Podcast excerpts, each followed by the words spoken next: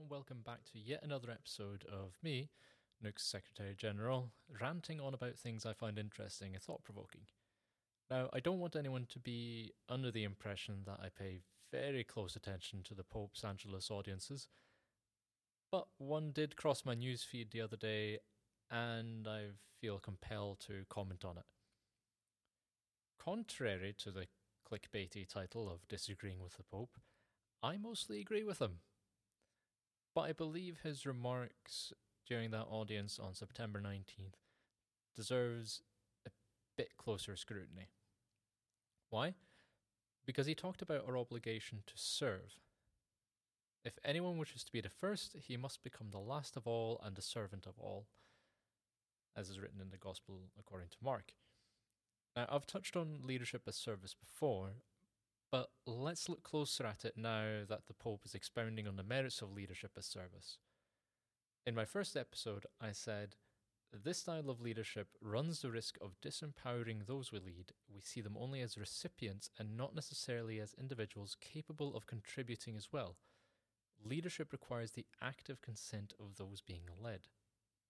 The servant style of leadership is not questionable just because it disempowers others, but also because of how it makes us view ourselves. Pope Francis said, The value of a person does not depend on the role they have, the work they do, the money they have in the bank. It depends not on that. Greatness and success in God's eyes are measured differently. They are measured by service, not by what someone has, but by what someone gives. What we should take away from that statement is not that we should give away all our worldly possessions, although there is something to be said for that as well, but it's an admonition to not be materialistic. Of course, there is value in having a role, a job, even money in the bank, but it's not those things that determine your worth. Christ's challenge in the gospel was to not aspire for greatness in wealth or self aggrandizing deeds but to measure it in service to others. Pope Francis said, To serve is not an expression of courtesy, it means to act like Jesus, who, summing up his life in a few words, said he had come not to be served, but to serve. Therefore, if we want to follow Jesus, we must follow the path he himself traced out, the path of service. Our fidelity to the Lord depends on our willingness to serve. A critical component of this notion of service is that it is not the same as submission. Being willing to serve does not mean subjugating yourself to others and being excessively deferential. The important distinction is who we serve and why. If you only help someone because you perceive their weakness, you risk overlooking their strengths. You don't help the marginalized, weak, or poor because they are marginalized, weak, or poor. You help them because it's the right thing to do. And this brings us to the importance of relationships. If we emphasize the relationship between people as a basis for service, we can differentiate between serving someone powerful and someone powerless. As the Pope challenges us, am I, who follows Jesus, interested in the one who is neglected, or am I rather like the disciples seeking only personal gratification? Do I understand life in terms of competition to make room for myself at the expense of others, or do I believe that being first means serving? Do I dedicate time to the little one, to a person who has no means to pay me back? Am I concerned about someone who cannot give me anything in return, or only with my relatives and friends? Serving someone more powerful than oneself, or in exchange for something, has something in common with serving someone less powerful or ostensibly incapable of reciprocating worth. Society teaches us to see worth, to discern the value of something or someone. But the church actually teaches us one inviolable fact every human being has an infinite worth. We don't serve, as Pope Francis described them, those in need of receiving who cannot give anything in return because they cannot give anything in return. We serve them because they are worthy of our service regardless. It is simply our expectation that those with power or wealth don't need our service, but that assumes a materialistic standpoint. Material and spiritual wealth are two different things.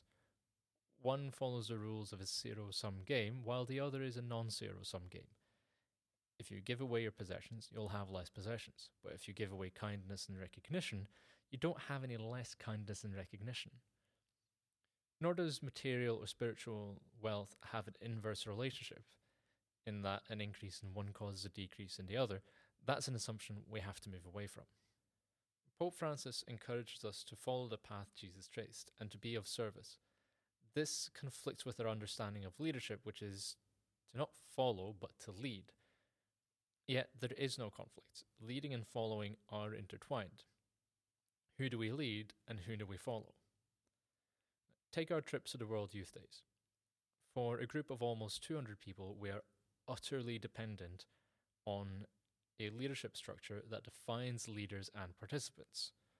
Yet the entire structure is premised on service.